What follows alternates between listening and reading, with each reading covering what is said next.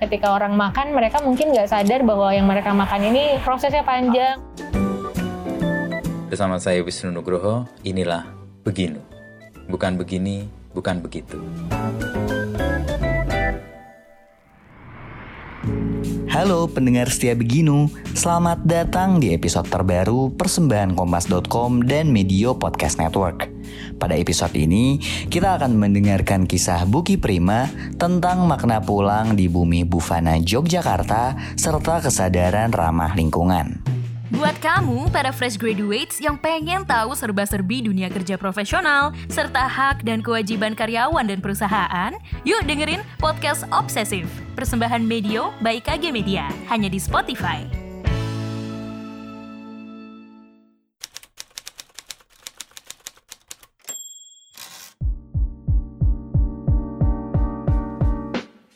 Nah kalau kita ngomong soal sustainability atau keberlanjutan atau peduli pada lingkungan, pangan tuh nyumbang paling gede untuk sampah sebenarnya. Oh iya, Food waste ya. iya. Rata-rata- Mulai dari hulu ke hilir Iya. sih. Rata-rata dunia atau bahkan Indonesia mungkin 40-an persen sampah itu sampah makanan ya. 60 persen. 60 bahkan. 60 persen. Menurut Buki gimana cara kan tadi ada sandang, pangan, papan dan sadar. Gimana bangun kesadaran ini supaya orang tidak membuat apa yang harusnya mereka konsumsi atau tidak konsumsi kan bisa dikonsumsi yang lain Iya. nggak jadi sampah. Heeh. Em, punya pengalaman dari hulu ke hilirnya. Pengalaman hulu ke hilir. Hulu ke hilir. Jadi ketika orang makan mereka mungkin nggak sadar bahwa yang mereka makan ini em, Prosesnya panjang. prosesnya panjang, Asik. upayanya panjang gitu kan. Keti- tapi ketika orang-orang yang misalnya udah pernah ke sawah, mereka Hmm. pernah bantuin uh, Bu Tani, Pak Tani ber, uh, apa namanya Nanam menyawah, padi, uh, nanam padi. Matun kalau bahasa Jawa tuh yang bersihin itu. Uh, mereka pasti akan mikir minimal deh uh, berkurang nih uh, apa namanya perasaan untuk uh, me- uh, me- Menyia-nyiakan menyia-nyiakan makanan gitu. Atau Jadi ngambil ya secukupnya tadi. ya. ambil secukupnya pada akhirnya gitu. Jadi perlu ada pengalaman. Makanya yang disajikan di sini adalah pengalaman atau experience-nya. Kalau bisa dari hulu ke hilir gitu. Semakin Sehingga dia lengkap, kesadarannya penuh ya. karena kesadarannya penuh. Karena kalau semakin dia lengkap eh, kesadarannya apa pengalamannya dari hulu ke hilir, semakin muncul. semakin dia akan menambahkan Menghargai. terus meng- eh, penghargaan terhadap pangan itu. Oke, nah untuk dapat pengalaman hulu ke hilir, atau Mm-mm. hilir ke hulu itu kan nggak bisa semua orang bisa ya. Benar. Artinya, misalnya orang-orang yang di perkotaan lah, dia Iya. nggak pernah tahu nih beras ini gimana caranya dia hadir Iya, di iya, sini kan. iya, iya. Hanya kita yang punya pengalaman di desa atau pernah pergi ke desa, Hmm. Itu bisa punya pengalaman dan punya kesadaran. Nah, Iya. untuk membangun itu gimana? Hmm, Kerjanya keroyokan makanya. makanya ada Mas sendiri ya. Kan kenapa ada orang-orang yang lain misalnya Iya, mereka meluaskan kerja itu ya, di pariwisata gitu kan. Oh bikin trip-trip yuk, trip-trip ke sawah gitu. Hmm. Kan ada nih sekarang di eh, kota-kota ya yang oh kita bikin trip ke pinggir Keliling kota gitu kan. Sekarang bisa ngelihat Ya, Murakabi juga Nah, itu kan keliling kayak gitu, sawah gitu. untuk mengetahui bagaimana pangan yang kita konsumsi setiap hari diproses dan Nah, dan Iya, minimal dari kayak gitu-gitu deh. Hmm. Kan orang-orang kota sekarang juga udah mulai jenuh kan, pasti mereka akan melipir kok gitu secara sendirinya. Tapi kan nggak selalu ya orang tahu prosesnya, Ha-ha. ngerti hulu ke hilirnya. Oh banget. Tapi kemudian kesadarannya tetap aja nggak terbangun. Nah, Hmm. ada ruang di mana bisa kita apa ya masuki untuk Walaupun mereka udah punya pengalaman ya. Ya, kayak begitu. Iya iya iya. Kan eh, berarti itu lebih ke gaya hidupnya yang yang yang mengunci mereka kan untuk Oke. tetap ada di pola pikir yang seperti itu gitu. Nah ini tinggal teman-teman eh, yang ada di kota gimana caranya supaya bikin sesuatu nih supaya eh, gaya hidupnya di hack gitu loh. Gitu. Hmm. Perlu minimal satu kan eh, kalau kita baca Atomic Ha- Habit satu persen aja yang bisa ditambahkan diselipkan satu aja gaya hidup yang Dia akan bisa berubah. membantu untuk meditasi tersebut. misalnya gitu. Kebanyakan orang-orang yang akhirnya tetap ada di pola yang sama karena mereka nggak mau menambahkan satu aja Mhm. eh, apa gaya hidup yang mungkin men- mengubah secara relevan ya gitu, apa signifikan gitu. Kalau dari sisi pengetahuan atau pengalaman bahwa dari hulu ke hilir itu bisa dilakukan untuk bisa mencegah dari food waste, kalau di Bumi Bufana sendiri mencegah itu dengan cara Iya. apa? banyak ya kalau Hmm. dari awalnya banget dari hulu kita berusaha untuk cari tahu eh, apa petaninya misalnya Hmm. pengrajin Hmm. gitu atau produsen yang benar-benar eh, kan dikurasi diajakin Oke. ngobrol gitu ini gimana prosesnya di awal atau datang ke tempatnya cari tahu ini eh, gimana cara apa apakah ada terjadi food loss misalnya Oke. atau eh, apa namanya bahan-bahan makanan yang sebenarnya masih bisa, Bisa di- dimakan tapi bisa karena dibuang. bentuknya jelek nggak mau di Hmm. akhirnya dibuang gitu kan kita mau terima gitu Oke. hal-hal kayak gitu-gitu Dengan terus alasan yang sifatnya lebih ke nilai yang mau diperjuangkan. betul Oke. iya Dan di sini eh, ketika sudah sampai di sini kita jurnal em, apa punya jurnal misalnya setiap bahan makanan ini nanti eh, di- bisa jadiin eh, menu-menu apa aja terus bahan bagian-bagiannya misalnya kulitnya bisa dibuat apa gitu terus ini bisa jadiin apa gitu sebisa mungkin eh, tidak terjadi eh, apa namanya sisa makanan yang nggak bisa diapa-apain pada Oke, akhirnya iya, atau iya. kembali ke bahkan eh, dikirim ke TPA misalnya Hmm, gitu hmm. ke TPST Mhm. Mm-mm. Ya beberapa rumah makan melakukan itu sih. Iya, Kayak- iya, kayak iya. Misalnya tadi gue sebut lagi 15 itu dia kentangnya itu ukurannya beda-beda. Heeh, heeh. Dan by by desain mereka jelaskan kenapa kok ukurannya beda-beda. Heeh, Karena heeh. kita tidak ingin memilih yang besar-besar aja. Mm-mm. Juga yang kecil kita mau pakai Benar, untuk benar. menjaga supaya tidak jadi sampah oh, atau oh. tidak dimanfaatkan Benar, gitu ya. Karena itu udah diproses dan sebagainya. Mm. Dan pengetahuan itu kita baru dapat atau setidaknya saya baru dapat setelah makan di situ dan dijelaskan. Oh. Kok gue makan kentang di situ dengan meja yang sebelah kok beda, ya Beda. kentangnya? Tapi dia dijelasin ini memang beda. Gitu. Iya, iya, iya. Nggak bisa semua seragam. Itu iya. memang dia mau me- mengatasi masalah ada food waste itu. Hmm, iya, iya. Dia dapat dari petaninya kan macam-macam. Benar, benar. Nah itu dilakukan. Tapi pentingnya narasi tuh kayak gitu ya. Iya, pentingnya iya. jadi storyteller tuh. Persis. Bahwa akhirnya sekarang storyteller bukan cuma satu profesi. Kalau bisa semua orang jadi storyteller apa pun untuk profesinya. produknya kan Iya, Dan supaya bisa, dapat menyampaikan. pemahaman ya Heeh. atas itu dan Hmm. gue dari situ terus ada soal makan sebagai kegiatan sosial itu juga baru nggak di situ Oh iya iya iya iya. dia makan malam itu ya menunya adalah menu bersama dan dia Iya. tertib bukanya jam 7 malam Iya. jadi sebelum buka ya orang nunggu aja antri Oh, iya? begitu buka langsung orang datang semua Wah gila gila dan gila. itu gila. menghemat juga jam kerja mungkin ya Hmm. karena dia mengambil chef atau mengambil pelayannya itu di jam 7 sampai jam 10 di luar jam Ah. Oh, itu jadi udah padat ya. dia di itu rame sekali menarik menarik. Hmm. memang agak padat tapi terus jadi kerasa wah seru ya nunggu Iya ini ya iya iya iya. prosesnya ya Oh, jadi dia men-solve problem soal makanan untuk sosial Ha-ha. untuk ngobrol sama makanan nggak ada yang kebuang karena yang kebuang. semua bentuk ukuran bisa dipakai Benar benar benar benar. Nah kalau kurasi ini kan ada proses untuk kemudian memilih kan. Iya. Nah mencegah itu gimana?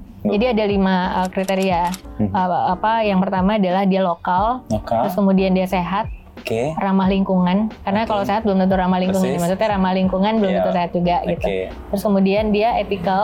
Ethical. Ethical berarti oke. ngomongin soal sosialnya juga ya, Iya, apakah fairness-nya. uh, ya wellnessnya dan lain-lain. Terus kemudian yang kelima ya kualitasnya. Kualitas. Oke. Mm-mm. Dan lima itu buki semua yang mau kurasi. Hmm. Saat ini iya sendiri.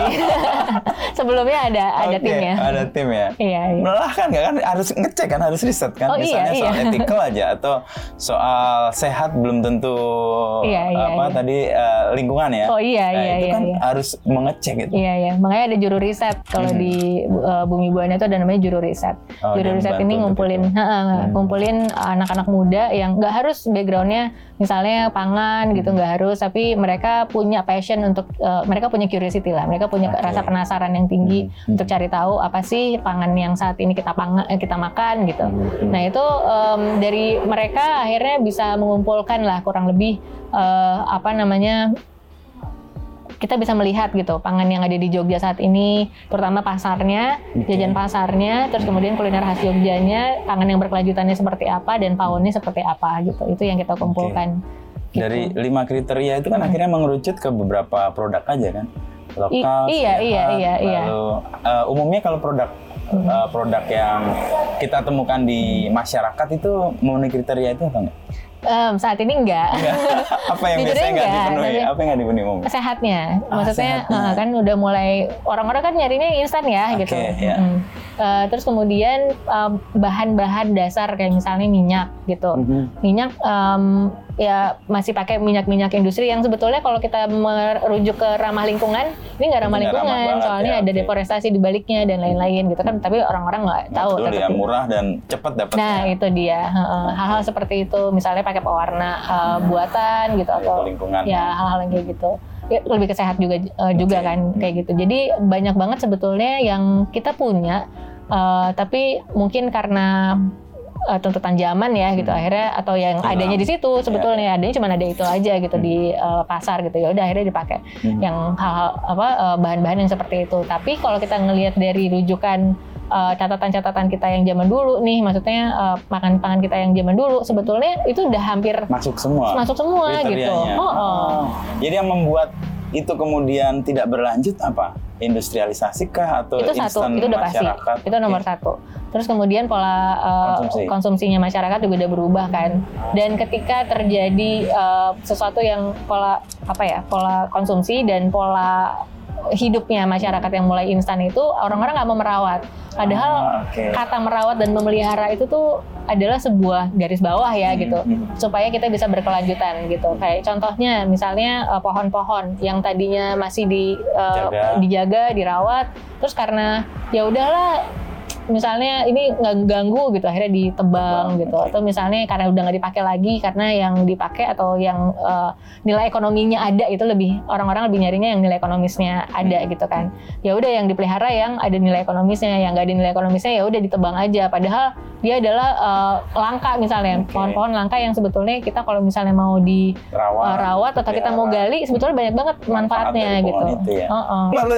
kan terpesonanya sama Bali, sama Oh, iya. desa di Buleleng tadi. Mm-mm. Tapi kok memilih Jogja sebagai tempat yang kemudian ini rumah gua nih, Mm-mm. di mana aku tadi ya sembuh juga di sini, lalu juga bisa mendapatkan usaha dan bisnis di sini. Iya. Kenapa Jogja?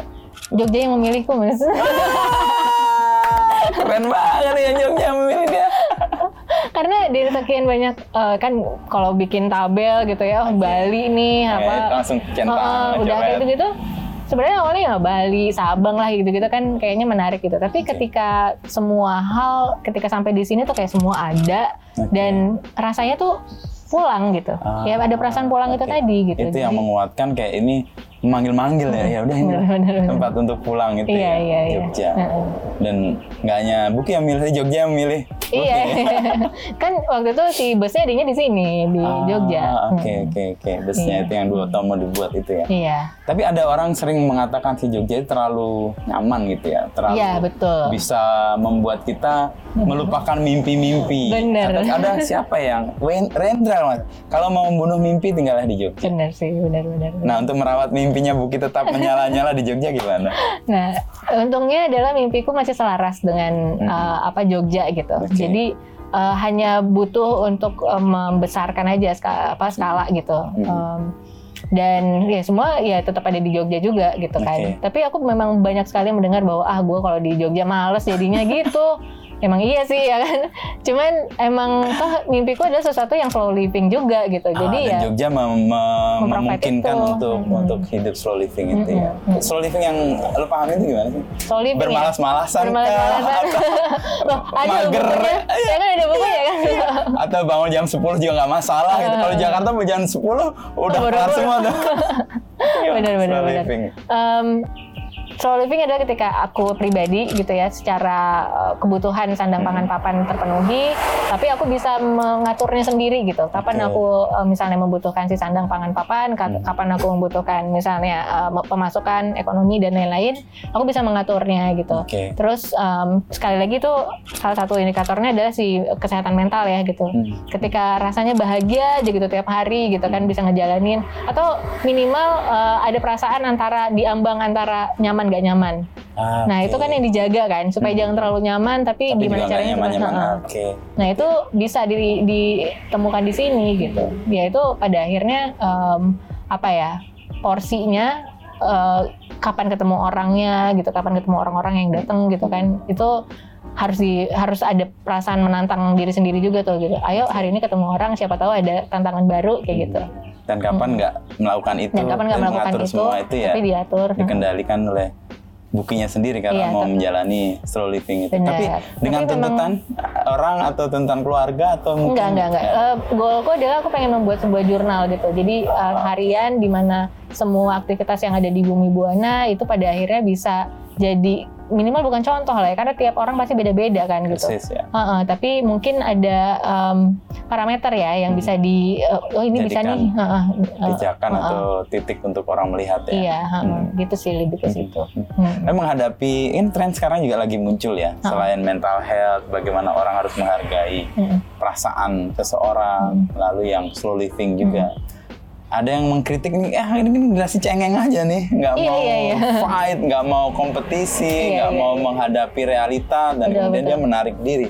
Terhadap Iya, iya, kritik iya. itu gimana bu? Aduh, Tapi emang bener sih, maksudnya gini, kita tetap perlu belajar sama orang-orang eh, di apa namanya orang tua di atas kita gitu ya, Hmm, generasi di atas kita. ya. Em, dengan banyaknya hal yang mereka alami, dengan banyaknya pressure yang mereka alami gitu ya, eh, mereka akhirnya produktif gitu. Maksudnya mereka jadi pribadi yang tangguh gitu kan. Kalau misalnya kita memang pengen dan secara kebutuhan hidup kita ada kita jadi eh, yang tangguh ya kita perlu membuat pressure Seperti kita itu. sendiri pada akhirnya gitu. Oke. Heeh. Dan itu perlu di, ya diperlukan keberanian. Hmm. Mm-mm. Dan keberanian itu sendiri kan sebetulnya gini, karena kan orang-orang anak-anak muda sekarang tuh dihadapi takut menghadapi, ya kan? Takut menghadapi sesuatu, takut karena eh, takut gagal. Hmm. Um, dan kalau misalnya dihadapi eh, takut misalnya ini nggak bisa dihadapi, nggak bisa di nggak bisa dipecahkan nih atau nggak bisa diselesaikan gitu kan? Stuck di situ. Stuck di situ gitu.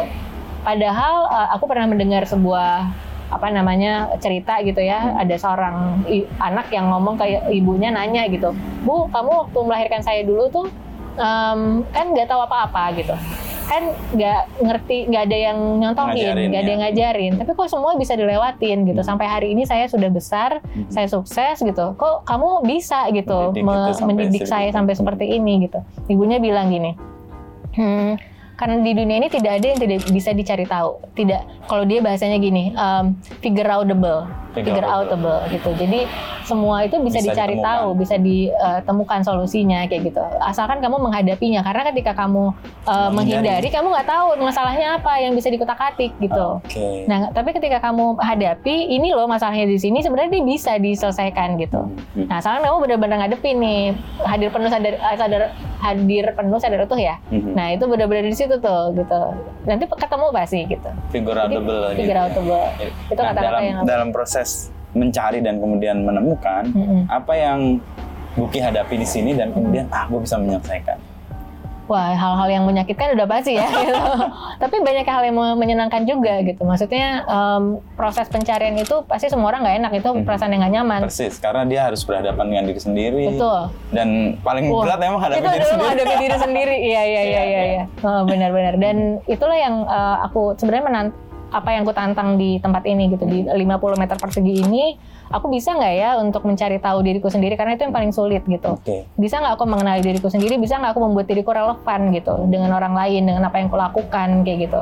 Em, terus kemudian eh, menghadapinya itu apakah aku perlu orang lain atau aku Bisa ada sendiri. bisa bisa dari dalam ya katanya kan jawaban ada di dalam ya jadi ngulik-ngulikin dari dalam gitu oh ternyata eh, sebetulnya itu hanya kayak kompas aja gitu Oke. tetap eh, kita butuh referensi dari luar kita Tapi tetap, tetap perlu dari dalam ya. cuman kita nggak perlu mendengarkan misalnya kayak oh ini nasihat A ini semuanya diambil gitu perlu diendepin di apa di Diolah, diolah dulu diinternalisasi lah ya. Heeh, diinternalisasi diendepin terus barulah akhirnya si kompasnya itu bisa Menentukan. menentukan, gitu Menya- ki- menyampaikan ke kita gitu kita butuhnya apa ntar kan biasanya eh, dari eh, dalam diri kan kita udah ada kayak semacam eh, apa sinyal lah gitu Hmm. Ini iya ini enggak gitu Mhm. Makanya kalau aku bilang kalau zaman sekarang tuh orang-orang kan kemarin tuh ada di Magic Table ada eh, bapak dan ibu sama satu orang eh, anak muda yang ngobrol nih. Mhm. Itu tuh kita ngobrolin soal dia bapak ini nanya sama saya. eh, Buki menurutmu gitu eh, kenapa sih apa anak-anak muda zaman sekarang gitu eh, mulai mengarah ke eh, hal-hal yang lebih ber- bersadaran kayak gitu. Oke, iya, Kenapa iya. sih mulai ke sana gitu trennya? Apakah ini tren? Apakah karena memang ada sesuatu gitu? Ya. Eh, kalau menurutku pribadi ya gitu, aku melihatnya bahwa kan ada di Jawa tuh eh, jagat ag- alit, jagat jagat ageng Ya, gitu ya. ya. Mikrokosmos, Bahwa mikrokosmos dan ya. makrokosmos Hmm. bahwa ternyata apa yang ada di dalam diri kita tuh sama dengan apa yang ada di luar gitu kan. Hmm. Nah, ketika yang di luar ini kan kita bisa ngeliat ya, contohnya ya kalau di luar eh, maksudnya alam semesta gitu. Ya. keterji- ketika terjadi ketidakseimbangan dia akan melakukan Hmm. keseimbangannya sendiri gitu sama dengan di dalam kita juga gitu ketika anak-anak muda mulai ngerasa kok ini kayaknya ada yang sesuatu yang nggak ada yang salah nih gitu Hmm. dia akan secara otomatis akan mencari Mencari. keseimbangannya sendiri gitu lewat oh eh, kalau misalnya ini ada ini ini banyak sampah kalau misalnya ke Bantar Gebang kalau tadi kita ngomongin Ya. soal orang kota gimana hilirnya coba lihat aja Bantar Gebang gitu itu pasti ada tergerak rasa kayak gak- sadarnya Heeh. muncul gitu ya. sadarannya muncul kayak ini aku nggak pengen nih jadi bagian dari uh, Penimbun sampah penimbun berikutnya. sampah sebanyak ini gitu ya udah itu itu secara alami kok gitu Hmm. terjadi uh, keseimbangan antara makrokosmos dan mikrokosmos gitu Terus jawab bapak itu apa? si bapak itu oh iya juga ya gitu aduh si bapak ya bapak itu baik sekali Tapi emang ada hal yang unik sih, eh, Mm-mm. juga pengamatan sih, baik ya pengalaman ketemu Mm. orang. Memang 4-5 tahun terakhir hidup berkesadaran, Iya. mindful ini kan jadi kayak ya nggak tahu apakah tren atau gaya hidup Mm-mm. atau memang kebutuhan yang akhirnya disadari sebagai sesuatu yang primer iya iya kayak iya. sandang pangan papan dan sadar Heeh. tapi kan banyak yang ada di permukaan aja tuh iya banyak iya yang ikut tren dan nah, Iya. sel- selayaknya tren juga kayak gaya hidup eh, peduli lingkungan itu kan juga jadi tren nah untuk menjaga itu nggak sekedar tren dan jadi sebuah kesadaran Mm-mm. Booking lihat itu challenge-nya panjang atau kayaknya sebenarnya tinggal selangkah lagi deh Hmm. panjang karena dia harus uh, jadi teladannya dulu Jadi dulu. ketika menurutku ya ketika sudah diteladani pelaku melaku Hmm. kan gitu, Hmm. sudah ada contoh gitu kan, itu kan energinya ngumpul tuh di Oke. lakunya kan. Ya, ya, ya. Nah, kita bisa me- memilah gitu ya. Kita bisa memilah mana sih yang ngomongin cuma permukaan, mana, Mana sih yang dengan pelakuannya ngomongnya ya. dengan uh, dengan laku gitu. Kita cari yang lakunya gitu. Dan itu akarnya pasti lebih kuat gitu. Kayak kalau ngeliat pohon pasti kita nyarinya kalau mau Hmm. Pegangan cari yang pohon akarnya lebih kuat kan Hmm. gitu. Nah untuk jalan ini, jalan yang Bukit tempuh ini, sejauh mana Bukit melakukan semuanya? Dan pasti lelah juga atau enggak juga? ada yang 2021 itu kan akhirnya Oke. aku istirahat setahun itu kan lelah Karena kelelahan karena itu. lelah karena Ah. lelah tapi eh, selalu ada kan kita tahu ya apa eh, siklus di Oke, hidup ya. ini kan pasti ada siklusnya Naik kan turun ya, oke. kalau dulu mungkin kita punya fase ketika fase kita lelah tuh rasanya kita menyalahkan diri sendiri Hmm. gitu. Tapi 2021 aku lebih ke oh ya udah emang udah fasenya. Jadi Oke. lebih bisa dinikmatin, lebih bisa dimaknai. Menerima ya. Ah. Gitu ketika bisa dimaknai jadinya enak pas Netral naiknya aja lagi gitu netral, ya? netral dan ketika naiknya lagi udah le- lebih enak gitu. Ah, Oke. Apa yang waktu itu membuat lelah dan ke ke apa Ah. exhausted gitu kan kayak kayak ngerasa habis gitu. Aduh. Ini curhat nanti Aduh. jadinya. Private kayaknya. Iya, pokoknya ada peristiwa-peristiwa yang em, aku waktu itu eh, putus gitu. Terus kemudian ada hal-hal yang oh ini berat banget karena Oh, numpuk jadi satu. numpuk jadi satu. PPKM dan lain-lain gitu. Jadi semuanya jadi satu terus emang ternyata setelah aku lihat ini pentingnya menjurnal juga ya ternyata gitu. Oh, Setelah oke. aku melihat jurnalku 10 tahun yang lalu, aku juga mengalami hal, Hal itu. yang sama. Yang sama. 20 tahun yang lalu aku melihat Oh, jurnalku oke. masih eh, pas di tahun 2011 dan 2001 itu sama. Emang tadi Buki bilang siklus ya? Jadi siklus aku baru bisa ngeliat oh oke oke. pada saat eh, 2021 kemarin ada ketemu jawabannya. Ternyata memang ya udah dijalanin aja gitu.